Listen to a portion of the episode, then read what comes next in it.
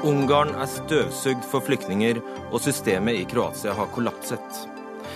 Vi er ikke forpliktet til å ødelegge vårt eget samfunn, sier lederen for Dansk Flyktninghjelp om flyktningkatastrofen. Han framfører et veldig annet budskap enn sine norske kolleger.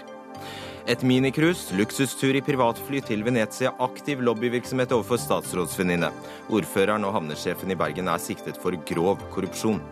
Sigrun Vågeng er ny toppsjef i Nav. Hvorfor vil hun seg selv så vondt, spør vi henne. Og må virkelig en politiker bekjenne sine innerste tanker om alle moralske spørsmål? Hvor mange svar har vi egentlig krav på?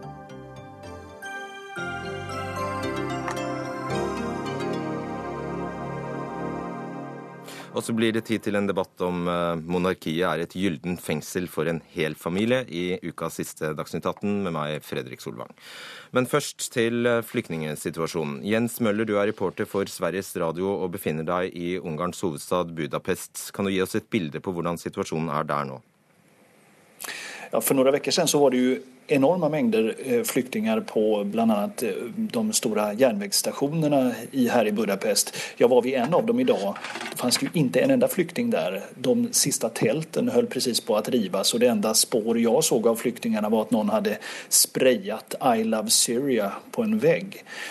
Eh, så att man kan säga att Viktor Orbán har lyckats ganska bra med sitt mål att hålla borta flyktingarna från Ungern. Fast just idag så har det då skett en utveckling där Kroatien dit det har kommit eh, uppskattningsvis 14 000 flyktingar de senaste två dygnen. Kroatien har börjat bussa eh, flyktingar upp mot och till den ungerska gränsen eh, och enligt uppgifter så ska de, även i alla fall en del av de här flyktingarna ha kommit in i Ungern och blivit skjutsade vidare till asylmottagning nära österrikiska gränsen. Alldeles nyss kom det rapporter om ett tåg med kanske tusen passagerare som ska ha kommit till en ungersk gränsby.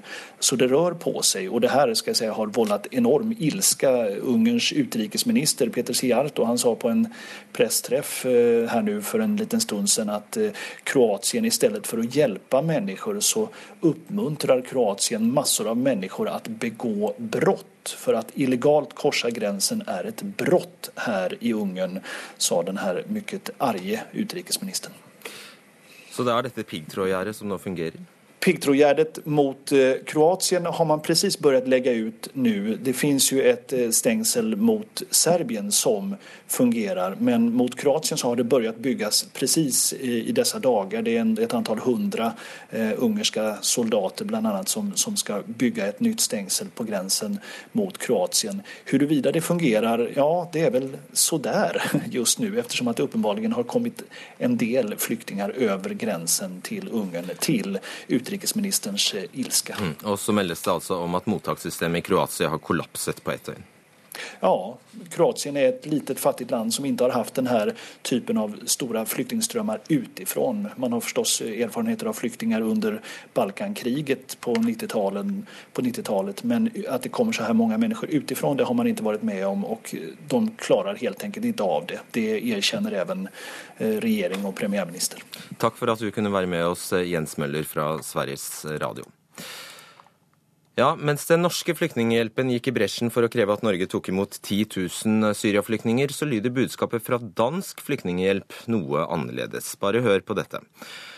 Løsningen på den nåværende flyktningkrisen er ikke at opp mot 60 millioner eksternt og internt fordrevne flyktninger bosetter seg i Europa. Konfliktene skal løses der de er.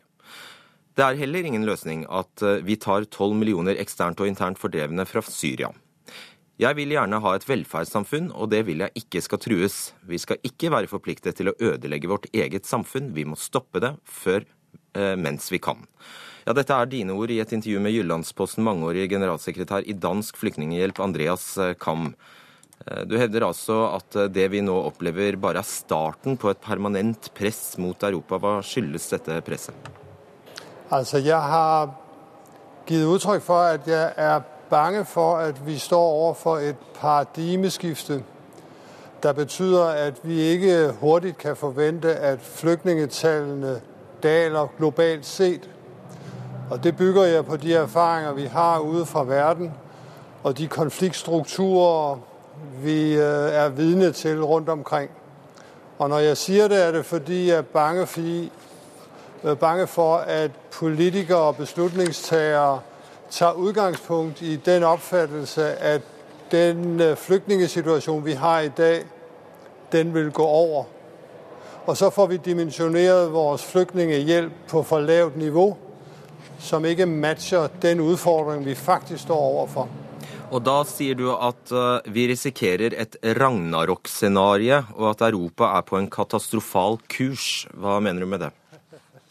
Nå vil jeg si, at I Norge har I fått noen særlige utplukk av det jeg har sagt.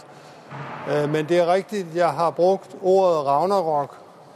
Og det har jeg gjort inspireret av det som vi ser ved Europas ydre grenser. I Ungarn, i, i ved Middelhavet, og nå også øh, andre steder, Makedonien og andre steder, hvor jeg synes, hvis man ser de billeder med flygtningeøyne og flygtningeskæbner, så ligner det et ragnarok for de pågjeldende mennesker. Og hvis man forestiller seg at Europa fortsatt ikke kan håndtere det her problem velorganiseret, så syns jeg godt man kan tillate seg å si at det kan utvikle seg til noe der ligner et ragnarok for verdens flyktninger. Og så, det bekymrer meg. Ja, og så er det mange som har påpekt at Europa får en forsvinnende liten andel av flyktningene fra denne katastrofen. Hvorfor sier du da at EU og FN krakelerer i møte med et historisk eh, stort flyktningepress? Jamen, jeg har jo uttalt her nede i Danmark at det er jo merkelig at så relativt få flyktninger til Europa, ennå kun 400.000, kan komme til å se ut som kaos. Og det skyldes vel utelukkende at Europa er dårlig til å organisere og samarbeide om mottakelsen. Altså at få etableret et fordelingsprogram, få solidaritet og felles standarder inn i løsningen av de oppgaver som er forbundet med å motta flyktningene. Det er sterkt bekymrende hvis Europa ikke kan stå bedre sammen. Du sier altså at Europa ikke kan ta imot 60 millioner, eller 12 millioner syriske flyktninger. Det er jo det som er i ferd med å skje nå. Jo, men nå skal I forstå at uh, noe av det som jeg blir spurt om uh, i den danske debatt, som er ganske skrap, det er uh, spørsmål som er der ikke en grense for hvor mange flyktninger et land kan ta? Og det gir seg selv at svaret må være jo, det er der jo. Og vi har også eksempler på lande der har møtt den grense, f.eks. Libanon, f.eks. Jordan, som jeg mener bestemt er også forbi den grense, og som vi derfor bør støtte riktig mye. Verken Danmark eller Europa er i nærheten av grensen, men logisk sett kan ethvert land jo nå en grense, og det er blott det jeg har sagt. Fordi man kan ikke si nei, det er ikke noen grense. Eh, du påpeker at du gjerne vil ha et velferdssamfunn, og at det ikke skal trues. Hva er det våre velferdssamfunn trues av, eventuelt? Ja, men det er jo igjen den danske debatt, hvor det er meget sterke stemmer der sier at uh, vi kan ikke klare det og det antall flyktninger, så går vårt velferdssamfunn under. Dertil har jeg sagt jeg er selv meget glad for vårt danske og nordiske velferdssamfunn, som jeg mener vi gjerne vil beholde. Vi er ikke i nærheten av at de er truet av flyktningestrømme, men jeg har understreket at jeg kan da godt lide de samfunn vi har i Europa, øh, ikke minst i Danmark og Skandinavien. Jeg syns de er verdifulle. Jeg syns vi skal bevare dem. Ja, Er det slik å forstå at du opplever at på et punkt vil disse trues av innvandring? Jo, men det er jo øh, egentlig logisk hvis man kobler utsagnene. Jeg har sagt at der er en grense for ethvert lands kapasitet. Det motsatte passer jo ikke at der ikke er noen grense. Det er egentlig for å sette den danske diskusjonen i relief at si ja, det er da riktig det er en grense, men vi er der ikke nå. Ja, det er da riktig. Jeg kan også godt lide vårt velferdssamfunn, men det er jo ikke i nærheten av å være truet nå så ta det rolig. Hvilke løsninger ser du for deg? Ja, men Løsningen er jo øh, bestående av mange elementer. Det sier seg selv at vi skal bidrage til at konflikten i Syrien kan bilegges. Det er ikke særlig nemt. Ikke desto mindre skal vi prøve om vi kan gjøre det. Så skal vi ha en sterkere innsats med hjelp i nærområdet i de lande som bærer de største byrder. Der mangler vi, tror jeg, 18 milliarder danske kroner før vi har de penge som der er brug for. Det er langt under standard. Det bør verden kunne gjøre bedre. Så bør Europa modtage de flygtninge, der har brug for hjelp hos oss. Det gjelder også Danmark.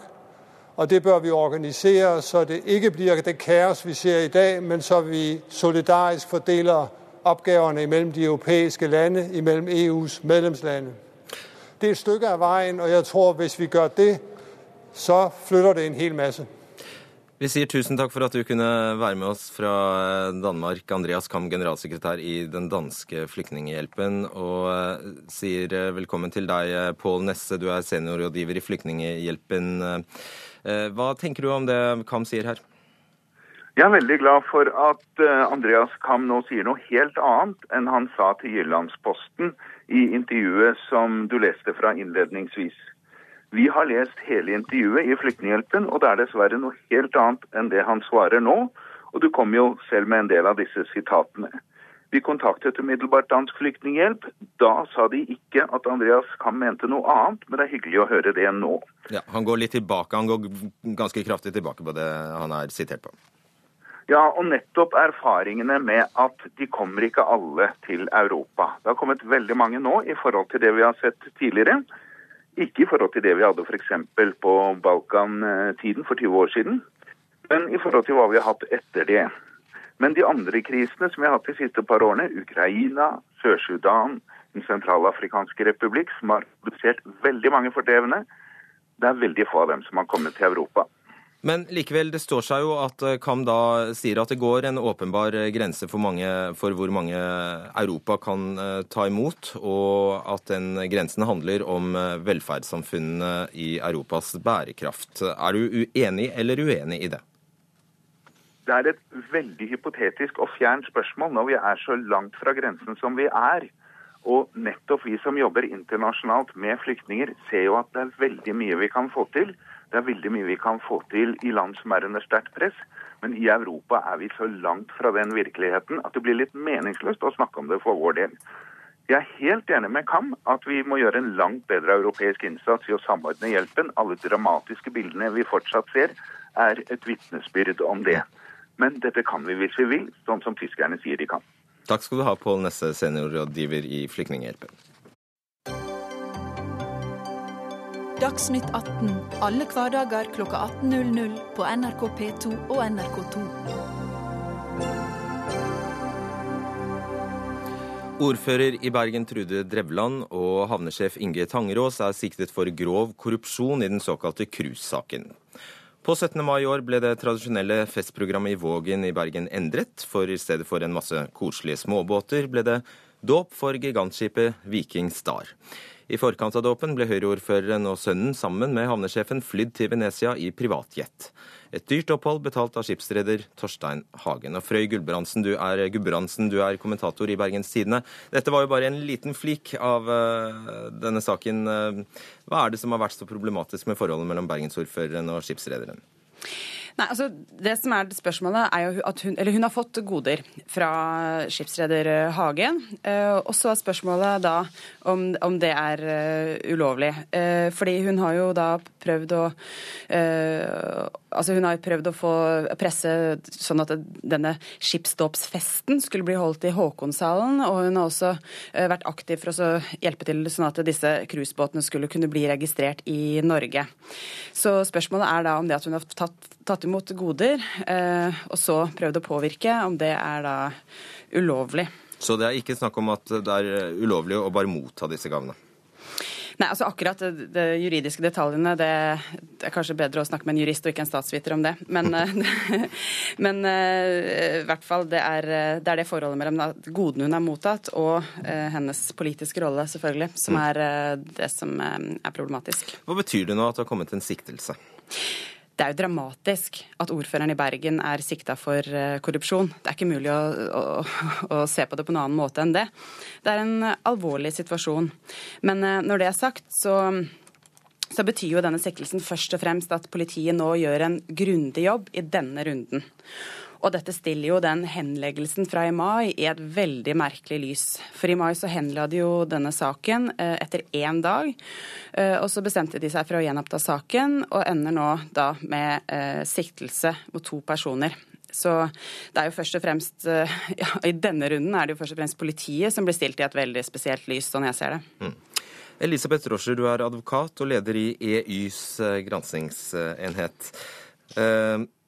Eh, Drevland kan altså bli den første ordføreren i Norge som blir, for, eh, eller som blir dømt for grov korrupsjon. Hva skal egentlig til for å bli dømt for grov korrupsjon i Norge? Ja, nå er det sånn at i, i Norge så har vi eh, en eh, korrupsjonsbestemmelse som, eh, som, eh, som, gjelder likt egentlig, om det er nasjonal korrupsjon eller korrupsjon i utlandet. Og i Norge så har vi jo ikke den uh, strukturelle, gjennomgripende korrupsjonen som uh, finnes i veldig mange andre land. Så ofte så vil det dreie seg og, i denne saken da, spørsmål om korrupsjonsbestemmelsens nedre grense. Og det, der er det en del vanskelige gråsoner, og det kan være vanskelig å navigere. Men det vil bero på en totalvurdering hvor en del eh, momenter står sentralt. Det eh, er økonomiske verdi av det som er mottatt. Formålet formålet, om det har vært noe påvirkningsmoment. Graden av åpenhet og, og, og tidspunkt, hvis det er noe sånt spesielt med timingen. Det skal altså en del til for å bli dømt, Gudbrandsen. Er Trude Drevland død politisk åkke som? Altså Nå tapte jo Høyre valget, så Høyres politiske innflytelse i Bergen den er jo litt død for fire år, kan man jo si. Og det rammer jo sånn sett eh, Trude Drevland. Så men eh, det er klart det er jo ikke noe, noe, heldig dette her. Men vi vet ikke hvordan denne saken ender. For demokratiets skyld, for, eh, for befolkningen i Bergens skyld, så er det jo veldig viktig at denne saken nå blir blir eh, belyst skikkelig. Og så får vi jo se om dette ender med en henleggelse eller en eh, Ja, hvordan dette ender, ikke sant. Men uh, uansett så er det bra at politiet gjør en veldig grundig jobb nå, sånn at vi får et, et skikkelig svar denne gangen, i motsetning til hva som skjedde i vår. Roger, eh, da Liv Signe Navarsete var eh, statsråd, så husker vi en sak der hun altså mottok et armbånd fra Røkke og Aker til 27 000 kroner etter å ha døpt en, eh, et skip. Og da konkluderte Økokrim med at det ikke var en politisak. Hvor går egentlig grensene for en hyggelig gave og korrupsjon? Ja, det er jo nettopp det som er det litt vanskelige.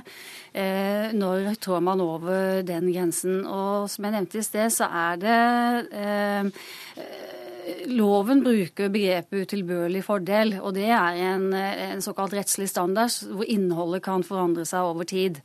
Eh, det, vi fikk noe avklaring i eh, den såkalte Ruter-saken som var oppe for Høyesterett for et par år siden. Eller 2004 var vel det. Hvor Høyesterett eh, sier at og bekrefter at eh, det skal mer til enn at det er noe kritikkverdig. Eh, det må være en klart klanderverdig atferd.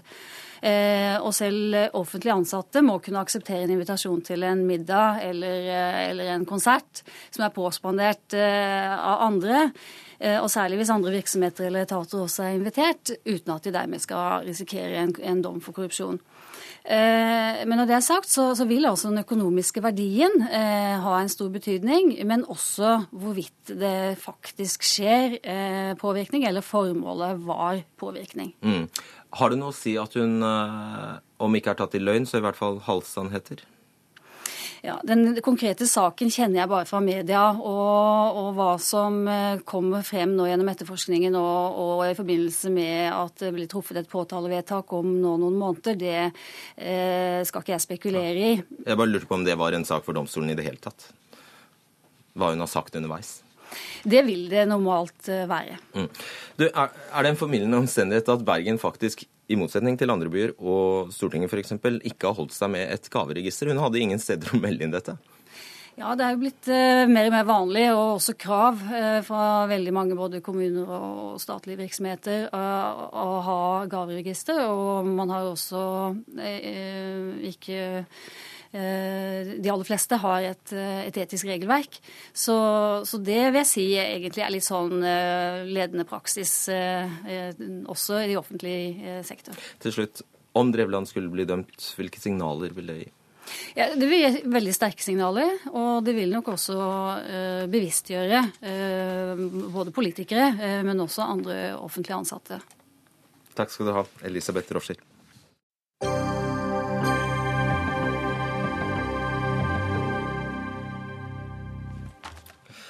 Hvis du vil bli toppsjef i staten, kan det være lurt å skrive en svært kritisk rapport. Så kritisk at toppsjefen i etaten du har skrevet om, må gå. Så søker du jobben, og da har du store sjanser for å få den. Det var vel omtrent det du gjorde, Sigrun Våging, nyutnevnt uh, Nav-direktør? Nei, Det var jo ikke helt sånn, da, vet du. Så det var nok helt andre begrunnelser for min interesse for Nav eh, enn det du skisserer. Gratulerer. Tusen takk. Eh, når fikk du lyst på det vi alle vel betrakter som en umulig jobb? Eh, etter å ha tenkt meg veldig, gang, veldig godt eh, om en gang i sommer, Eh, når jeg fikk en henvendelse om jeg kunne tenke meg å vurdere det. Da gikk jeg en runde med meg selv, og så tenkte jeg jo, dette kan jeg ha lyst til. Fordi? Fordi det er eh, en av Norges mest spennende jobber. Mange har sagt at det er en umulig jobb, landets verste jobb, Norges vanskeligste jobb. Men samtidig så er det et stort lag med 19 000 ansatte som hver dag ønsker å gjøre en god forskjell for folk flest. Og det å være med på det laget og det samfunnsoppdraget, få flere i arbeid, det har jeg lyst til. Så leverte du altså Nav-rapporten til arbeidsminister Robert Eriksson den 9. april, og den førte så til at Nav-direktør Joakim Lystad måtte gå. Hva tenkte du da? Jeg leverte en rapport 9. april som var en rapport som handlet om Nav fra brukernes side. Det var ikke noe syn på det indre livet i Nav. Eh, jeg tenkte at rapporten forhåpentligvis nå ville bli eh, sett på, tatt på alvor. Jeg er veldig glad for at den har vært ute på høring. Det er kommet masse tilbakemeldinger. Aller mest så er jeg kjempeglad for at ansatte i Nav syns det er mye bra som står der. Men ble du overrasket over at han fikk sparken? Jeg visste selvsagt ingenting om det. Så jeg ble nok like overrasket som deg og alle andre. Hm. Hva står bokstavene i Nav for? Ja, Den første vet jeg faktisk ikke. Den A-en har man jo snakket om arbeid, og den V-en for velferd. Men uansett hva det står for, så vil Fortell deg hva det står for. Ja, vil du? Ja. ja. Ny arbeids- og velferdsforvaltning. Så fint. For meg så vil jeg gjerne at Nav skal stå for eh, eh noe som er bra, når folk har behov for å ha kontakt med Nav. For det har jo 2,8 millioner av oss til enhver tid. Og det er det viktigste for meg. Mm. I dag eh, kommer du med et vitnesbyrd på NRK Ytring under eh, overskriften 'Dumskapens system'. Heidi Follett, eh, hva er det som preger dette systemet slik, du har, slik du har erfart det som sosionom i en tiltaksbedrift som leverer tjenester til Nav? Ja, nå var det jo et par år siden jeg skrev den kronikken. Um, og det var jo basert på de erfaringene jeg gjorde meg som sosionom eh, i Nav-systemet. Jeg hørte mange historier om levd liv i Nav, og hvordan folk oppfatta systemet. Eh, for meg blei de, de, historiene ikke til å leve med. Eh, jeg så til min store skrekk hvordan jeg sjøl var med på å gjøre livet vanskelig for folk. Derfor skrev jeg den kronikken. Fordi det er onde mennesker som jobber i Nav, eller hvorfor skjer det? Nei, altså, jeg, jeg, jeg tror NAV, at NAV, at NAV eh, har fungert så mange år eh, holdt på å si, så greit som det har gjort, tross alt, da, det er jo eh, pga. alle de ansatte som jobber i Nav. Jeg bruker jo beskrivelsen dumskapens system. Jeg mener at det er systemet som er problemet, og ikke folka som jobber i Nav. Um... Kan, kan, du være helt konkret? Altså, du, du, du skriver som representant for Nav-systemet plukker jeg livet ditt fra hverandre bit for bit til jeg finner en måte å trykke deg gjennom kverna på. Mm. Kan du gi et eksempel på en sånn situasjon? Nei, det kan jo være Altså det kan jo være mange ting. Det for, for eksempel da, i arbeidslinja. Da, det arbeidslinja er jo et begrep som skal romme alle variasjoner av levd liv. Du har jo, ikke sant, du har jo traumatiserte flyktninger, du har voldsutsatte mødre, du har psykiske syke, du har rusavhengige, du har kroniske syke. altså Du har hele spekteret som alle skal gjennom eh, arbeidslinjetankegangen. Eh, og, og all den tid hele dette systemet er basert på veldig strenge kontroll- og styringsregimer, så vil du få en situasjon hvor systemet ikke klarer å ivareta den enkeltes interesser, rett og slett. da. Mm. Det var min motivasjon for å skrive det som jeg skrev. Hvilke sjanser levner du uh, Sigrun Våging i å klare denne oppgaven? Nei, det Hva skal jeg si? Jeg tenker at det, det viktigste med Nav, sånn som jeg ser det, det er én en eneste ting. Det er ledelse. Mm. En ledelse som er sitt ansvar bevisst. Og det må være en ledelse eh, som våkner opp fra koma, og som evner å ta inn over seg de impulsene som omgivelsene faktisk gir. Og da snakker jeg om impulser fra de levde liv i de tusen hjem, og like viktig, fra de tusen kontor. Brukere og ansatte har erfaringer som må bli hørt. Det er den eneste måten man skal kunne utforme en praksis som er i samsvar med virkeligheten. Flott. Eh, kort, Vågen, Vågeng, samsvarer dette med de funnene dere gjorde? Vi har lagt stor vekt på ledelse, eh, og det følger jeg, følger jeg deg på at ledelse er avgjørende og viktig. Og så forteller det meg også at hvert øyeblikk, møte mellom mennesker, mellom Nav-ansatte og de menneskene vi treffer, det er der egentlig tilliten til Nav bygges. Og det må vi være oss bevisst.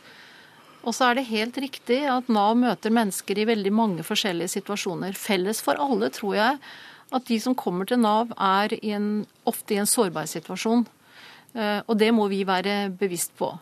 Åpenhet, god ledelse, kulturbygging rundt dette vil være viktig i tiden fremover. Eva Grinde, du er kommentator i Dagens Næringsliv.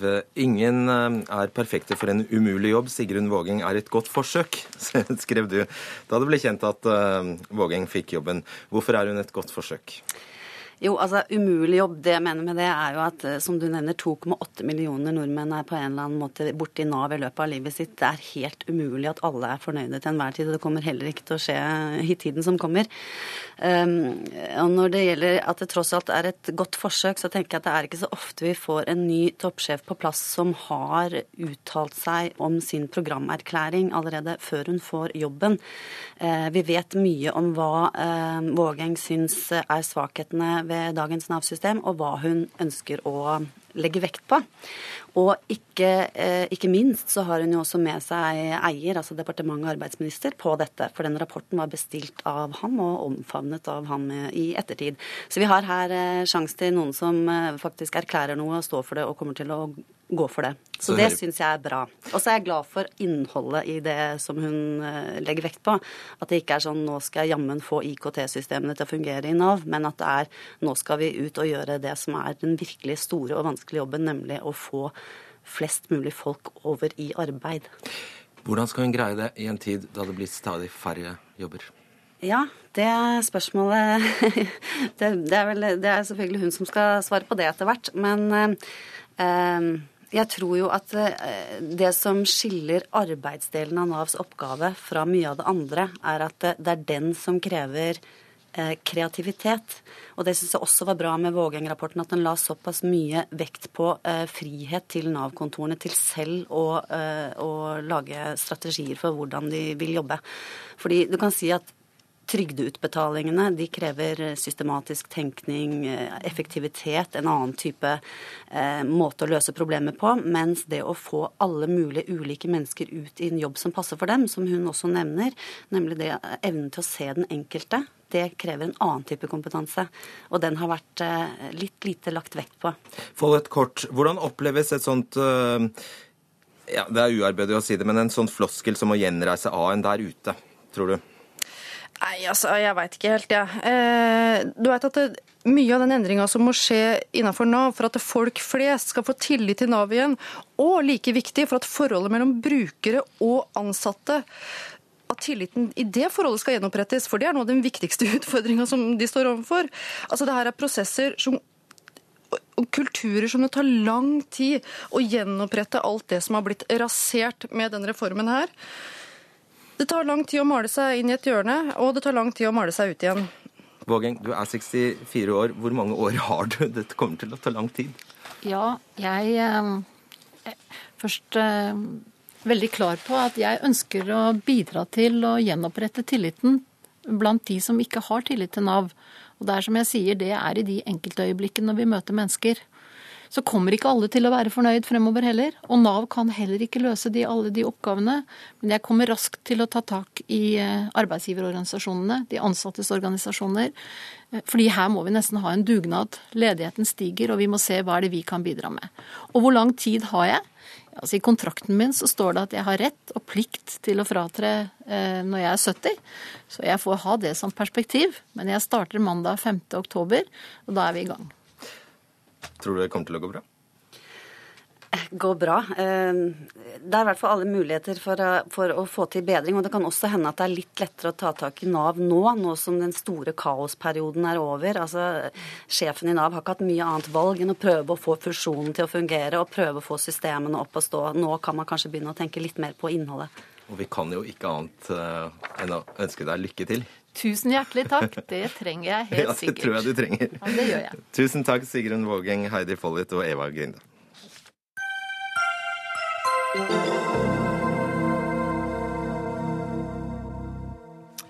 Uttalelsen fra Miljøpartiet De Grønnes ordførerkandidat Shoaib Sultan i 2007 om at homofili er synd fordi Koranen forbyr det, har blitt gjenstand for heftig debatt.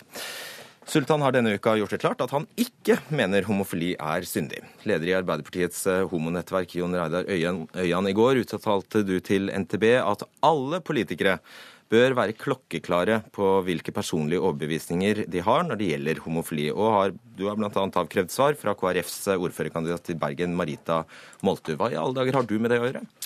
Du, jeg mener at det er en uh, rolle som folkevalgt i samfunnet vårt, så bør alle ha et ansvar nettopp fordi de har fått uh, befolkningens tillit, uh, og stå opp for de sakene som befolkninga har krav på å få vite noen ting om. Jeg mener at det å uttale at homofili er synd, det har man rett på å vite som velger i Norge. Og en ordfører skal være en samlende person. En ordfører skal være en talsperson på vegne av byen. 10% kanskje av uh, byens befolkning er LHBT-ere. Da syns vi det er viktig at det er en ordfører for alle. Men så lenge hun ikke gjør deg noe galt, men bærer det inni seg, så skulle det vel ikke spille noen rolle? Vi har sett mange ganger at handling eh, og eh, meninger ofte har en sammenheng i politikk. Eh, jeg tror ikke vi hadde syntes det var like greit å ha en hobbyrasist ordfører heller, som mente å være rasist på fritida, men som ikke eh, forfekta det synet mens han satt i ordførerstolen og la lokk på det i mellomtida. Det tror jeg det er ingen som mener. Leder i samfunnsavdelingen i Dagbladet, Martine Aurdal. På lederplass i dag faktisk, så skriver Dagbladet at politikere må bedømmes på grunnlag av sitt politiske virke, ikke på grunnlag av hva de mener på privaten. Så det betyr at uh, vi skal ikke få vite om en ordførerkandidat i, i hovedstaden mener homofili er syndig eller ei. Vi skriver også i dagens leder at det er et helt eh, legitimt eh, spørsmål å stille, og at det var klokt eh, av Sveib Sultan å avklare hva han mente. Men samtidig så må vi også bedømme politikere på den politikken de faktisk fører. Og her har Sultan avklart svært mange ganger siden 2007 eh, hva han mener eh, om den saken. Han eh, går til valg på det som har blitt kåret til det eh, beste LHBT-programmet eh, av alle politiske partier. Eh, og enhver med et minimum av interesse for Sultan og hans meninger på dette har hatt rikelig anledning til å forstå eh, hva han mener, også lenge før valget. Senest i en eh, kronikk i august der han gikk også ganske grundig gjennom dette. Og så vil jeg gjerne tilføye eh, at det er også påfallende at dette kommer opp på den måten første gang det er aktuelt med en muslimsk ordfører i hovedstaden. Vi har hatt en varaordfører fra Kristelig Folkeparti i mange år, som nå har vært eldrebyråd, som uten tvil har en langt mer konservativ og reaksjonær eh, politikk på dette området enn det uh, Shaib Sultan og Miljøpartiet De Grønne har. Uh, og det er ingen som har kryssforhørt henne på dette spørsmålet. Hun nektet jo også å si hva hun stemte på kirkemøtet om likekjønnet vigsel, selv om hun også ved dette kirkevalget stilte til valg og ba om Oslo-folks tillit på nytt. Så jeg er redd for at vi også driver med litt doble standarder i dette spørsmålet. Jeg er helt enig med Martine. Jeg syns det er påfallende den siste tida. Eh, en del på høyresida av norsk politikk som har avkrevd Shoaib Sultans svar på dette. Han har svart krystallklart nå på hva han mener om dette, at homofili ikke er synd. Samtidig så har høyresida av norsk politikk innsatt en god del personer, Kjell Magne Bondevik som statsminister, Dagfinn Høybråten osv., som ikke engang bare mente at homofili var synd, men som også mente at vi ikke skulle ha like juridiske rettigheter. Så de må se seg særlig i. Sultan har nå eh, gjort det klart at han ikke mener homofili er synd, men han nekter å svare på spørsmål om konsekvensen av det er at homofile bør få gifte seg i kirken eller i moskeene. Hva hvis svaret på det er nei? Hva sier du da? Eh, Homonettverket og Arbeiderpartiet vi mener at det aller viktigste er at mennesker skal like juridiske rettigheter. Og så må det være opp til demokratiet i kirka, tros- og livssynssamfunn, om eh, de ønsker å åpne opp for at personer av samme kjønn skal kunne gifte seg i de trossamfunnene. Eh, så der eh, er jeg helt på linje. Jeg skulle gjerne hatt eh, en ordfører i en hvilken som helst by som mener eh, at man skal kunne gifte seg både i kirka og i moskeene og rundt omkring, men det er underordna. Her har du på en måte en ordførerkandidat i Bergen spesielt som mener fortsatt eller ikke vil uttale seg om homofili er synd. Jeg mener at man har krav på å vite om en som skal være ordfører i en av Norges største byer, mener at homofili er synd. Fordi det er rangering av menneskeverd. Det er å kalle meg som homofil for en annenrangs borger. Det finner ikke jeg meg i. Aurdal? Jeg, jeg øh, er helt enig i at det er et legitimt spørsmål. Det er interessant å se hvordan uh, du håndterer dette. Samtidig så vil jeg også advare litt mot at vi hele tiden uh, skal drive den type kryssforhør om, om, folk egentlig mener det de gjør. Altså, vi har sett etter at Sultan har Det er en litt annen debatt. Jeg, bare, jeg vil bare pense deg inn på, på, på dette. Altså, hva, hva, hvis du, hva, hvis du, har en ordførerkandidat som um, nekter å fortelle hva vedkommende mener om abort? Kan du leve ja, med det? Da tenker jeg at det forteller ganske mye om den ordførerkandidaten. Eh, og når Måtu nekter å eh, svare på disse spørsmålene, så tenker jo jeg mitt om det.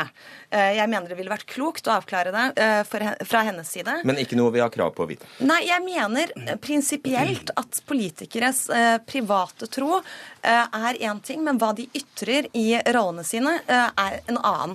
Og som ordfører så har du en helt spesiell rolle. Det må sies. Da er du målbærer, representant for byen, og du har også vigselsrett. Eh, og i den grad disse ordførerne ikke vil fremstå som samlende entusiastiske eh, eh, i en likekjønnet vigsel, så er det selvfølgelig betydning for deres politikk som de må svare på. Kommunikasjonssjef i Human-Etisk Forbund, Agneska Bryn. Human-Etisk Forbund har nettopp foretatt en landsdekkende undersøkelse om nordmenns holdninger til homofili. Hva var mm. resultatet? Resultatet er ikke slik vi liker å tenke. Eh, vi liker å tenke på oss som tolerante, men vi ser når vi spør folk, eh, så ser vi at bare litt over fem av ti svarer at det er viktig for dem at eh, homofile kan leve åpent i et forhold. Nesten to av fem sier at det hadde vært problematisk om barna deres hadde blitt forelsket i et av en person av samme kjønn. Eh, så det er viktig debatt eh, når det oppstår så mye usikkerhet rundt hva politikerne mener, og hvor de står i viktige spørsmål. De har viktige stemmer, og de forvalter veldig mye makt på vegne av på vegne av, av oss.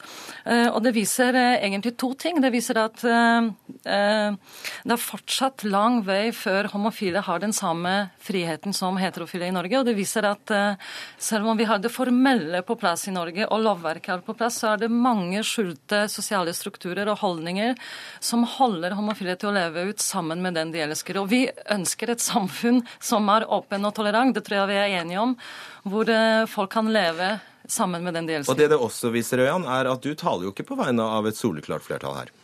Nei, jeg gjør kanskje ikke det. Men menneskerettigheter handler ikke nødvendigvis om hva majoriteten i et samfunn mener. Jeg tror at vi har kommet langt på vei i det holdningsskapende arbeidet. Men nettopp derfor er det viktig å ta til motmæle mot disse ordførerkandidatene og ha nulltoleranse mot grums. Jeg skal ikke gjøre meg til overdommer over hva de mener og hvordan de mener det, men jeg mener de må stå opp for at de mener noen ting. Eh, bare på den måten kan vi komme videre. Vi ser kvinnekampen, homokampen og rasismekampen. Det har mange fellestrekk. Vi har ikke kommet dit vi er i dag om vi ikke har hatt nulltoleranse nulltoleranse eh, og gitt etter. Jeg mener nå at så må alle rundt omkring i kommunene ha nulltoleranse mot ordførere som mener at homofili er syndig. Og jeg regner med at Human-Etisk Forbund har en baktanke med å foreta en slik undersøkelse? Selvfølgelig er det viktig for oss å, å vite hva folk mener. Det er ingen bombe hva Human-Etisk Forbund eh, mener i slike spørsmål. Vi ønsker et tolerant, åpent samfunn hvor alle kan leve med den de elsker. Eh, men vi har også spurt folk om de mener at det er religion som står i veien for at folk kan leve åpent åpent. Og eh, over fem av ti sier det. Uh, og Det er klart, det er ikke kritikk av religiøsitet, men det er kritikk av de strukturene i religioner som gjør at folk blir diskriminert pga. Uh, legning eller kjønn. Og Det er viktig at vi tar den debatten, det er viktig at vi snakker om det. fordi vi, er, vi liker å tenke på oss som tolerante, men vi er absolutt ikke i mål. Det er overraskende tall, syns jeg, at ikke flertallet er mer liberale. Eh, og det viser jo at det kanskje er større behov for en teologisk debatt også i Norge. Eh, men, samt, men, nei, men samtidig så syns jeg det er langt mer interessant hva politikerne mener uh, politisk, og, at, og hva Motu mener om likekjønnet vigsel, og ikke minst selvfølgelig i sitt embete, enn hva hun mener men, om den teologiske diskusjonen. Men det, er det er jo interessant når uh, Moltu i Bergen Bergen si at eh, dette handler mer om teologi enn om politikk, at dette er et sidespor. Fordi hun er en politiker fra et politisk parti eh, som da eh, er danna med utgangspunkt i teologi og religion, og så vil hun ikke svare på hva hun mener om dette. Jeg syns det er fryktelig feigt. Men Øyan, stiller Bergen Arbeiderparti seg bak kravet ditt? Det aner ikke jeg. Jeg er leder av homonettverket i Arbeiderpartiet. Vi, det er ikke noe bombe for folk at vi aldri kan akseptere at vi får en ordfører i en hvilken som helst by fra hvilket som helst parti som mener at homofili er sunt. Takk skal dere ha. Martine Aurdal, Jon Reidar Øyan og Agneska Bryn. Hør Dagsnytt 18 når du vil. Radio NRK Radio.nrk.no.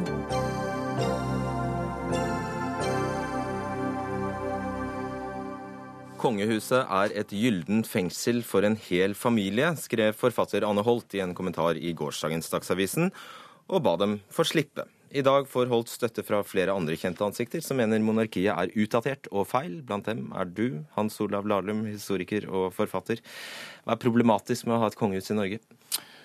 Jeg syns at en del av de tingene som er kommet frem nå, enten det gjelder uh, yachter eller, uh, eller dette gylne bur-problematikken og det, er ikke det mest problematiske med det å ha et monarki på 2000-tallet. Det er to veldig problematiske prinsipielle ting meg, for meg som er overordnet andre ting her. Det ene er jo dette med at man da utpeker folk så å si før de er født. Uten før noen aner hvem denne personen er, hvilke evner og anlegg, eh, interesser vedkommende har, så utpeker man en person til å skulle ha en viktig posisjon i styret av et land. Hvem er det et problem for, oss eller dem? Eh, det nok, eh, kan absolutt bli et problem for dem, men jeg syns absolutt det burde være tankevekkende for oss fra et demokratisk perspektiv. Det andre er jo det at uh, man også da skal sitte på livstid, og at folk, hvis de er misfornøyd med den jobben man gjør, ikke skal ha noen mulighet til å gjøre et skifte og bytte ut. Og det, Vi har jo hatt en veldig godt fungerende, dyktig kongefamilie i Norge, men det er også veldig betenkelig at man liksom skal si at ja, men så lenge det går bra, så kan vi bare fortsette. Så man burde ha en mer prinsipiell, litt mer overordnede perspektiver på det. Vi får høre da med Erik Skutle i kontroll- og konstitusjonskomiteen for eh, Høyre om det er det han sier. Så lenge det går bra, er det det du mener? Nei, eh, det er så lenge folk ønsker eh, det konstitusjonelle monarkiet som statsform i Norge. Det er jo sånn at i en demokratisk, moderne stat, som jeg mener Norge er på de aller, aller fleste områder, så er det folket som bør bestemme styreformene. I Norge er det overveldende støtte til monarkiet som eh, institusjon, i tillegg til en stor eh, støtte også til de personene som i dag utgjør kongefamilien. Hvordan vet du det? Har du hatt en folkeavstemning vi ikke kjenner til? Det er jo jevnlige undersøkelser som, som, viser det. Sist en, en, en, meningsmåling som NRK publiserte for ikke så lenge siden, der 82% sier at de har lyst til å beholde monarkiet som det konstitusjonelle monarkiet som statsform i Norge. Men så må vi huske på at dette er ikke snakk om noe enevelde det er jo regjeringen og Stortinget som bestemmer eh, de politiske sakene i Norge. Og kongens rettigheter og plikter er også regulert i, i Grunnloven. Er det, eh, ja, Skutle, er det demokratisk å holde seg med et kongehus? Det er demokratisk å ha den statsformen som flertallet av innbyggerne i landet vil ha. Ja, Men er selve statsformen demokratisk? Det er store prinsipielle innvendinger med et arvelig monarkisk system. Det er jo ingen tvil om det. Og Hadde vi startet fra scratch i dag uten noe som helst form for kulturell og historisk ballast, så tror jeg at de fleste ville landet på at uh, vi skulle hatt en republikk og ikke et monarki.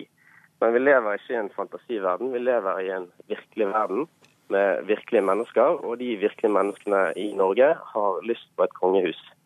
Og Da blir det den demokratiske riktige veien å gå, så lenge den folkelige oppslutningen er så stor. Det som derimot er problematisk, er jo hvis den intellektuelle eh, eliten i et land skal påtvinge en stat en statsform som ingen egentlig ønsker.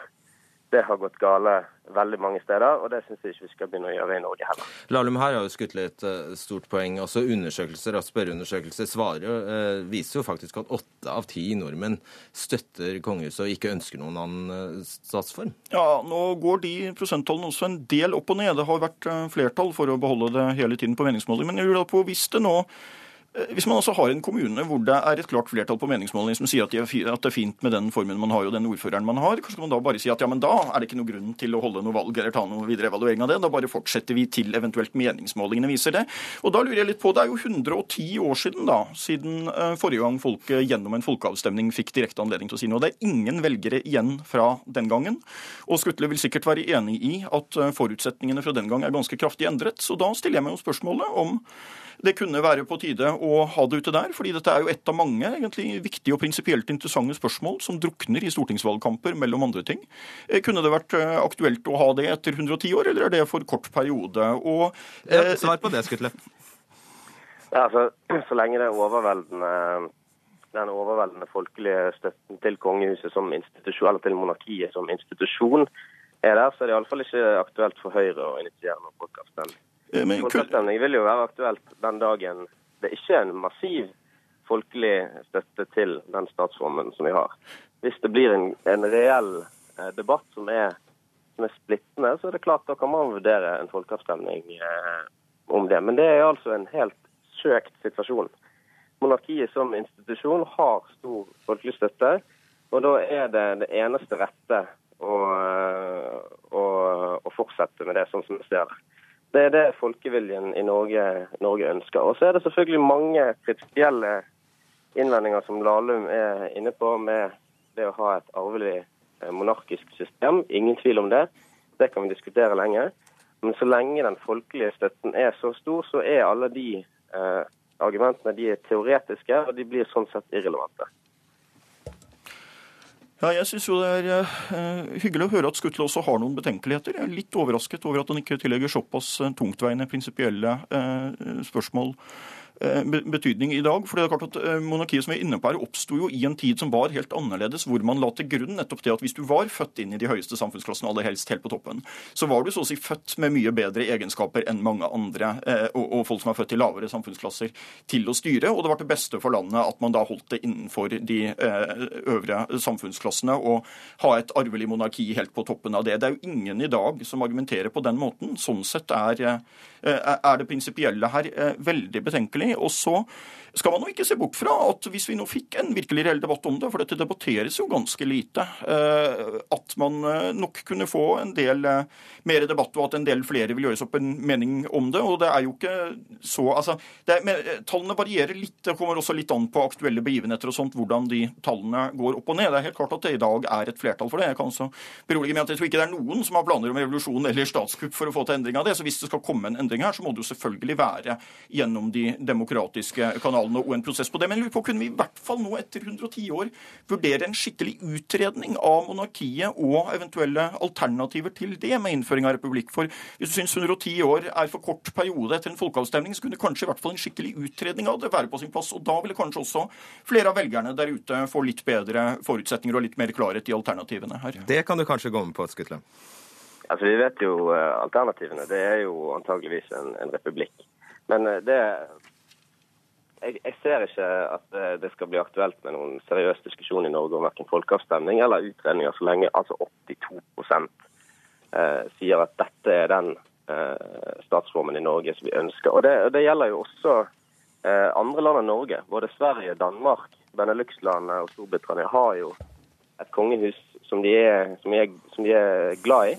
Som fungerer som et slags ja. lim i, i, samfunnet. Og de, mange mener at eh, de gjør en gjør en viktig, viktig jobb. Og, um, og, så lever vi, som jeg sa i innledningen, ikke i et vakuum. Vi lever, uh, vi lever i den virkelige verden der vi har en historie og en kulturell tilhørighet til noe. Jeg syns ikke man skal begynne å reparere noe som ikke er ødelagt. Ok, la Ja, Nå nevnte du vel stort sett alle kongehusene i Europa, unntatt eh, Spania. Jeg vet ikke om det var tilfeldig at du ikke tok med Spania, men det har jo vært en situasjon i flere andre land, bl.a. Spania og Sverige, hvor det har vært betydelig misnøye med eh, kongen og måten han har opptrådt på, hvor eh, man på meningsmålinger tydelig har sett det. Men så har man da det problemet at det er innarbeida at han er utsatt til å sitte på livstid. Og så er det, er, det, også slik at det er jo ofte i krisesituasjoner man ser også, når du er inne på det med at kongehuset ikke har politisk makt, en sannhet med store modifikasjoner. Blant annet så kan de i en del parlamentarisk uklare situasjoner i Norge avgjøre hvem som skal danne regjering. Det har vært en viss krangel om det ved en anledning i 71. Det kan komme igjen. Og jeg syns det er veldig betenkelig at man da skal ha et statsoverhode som sitter og er valgt på livstid. Og der Eller fikk vi, ikke valgt og på livstid. Og der fikk vi iallfall en debatt om vi skal ha en debatt. Takk skal dere ha, Erik Skutle og Hans Olav Lahlum.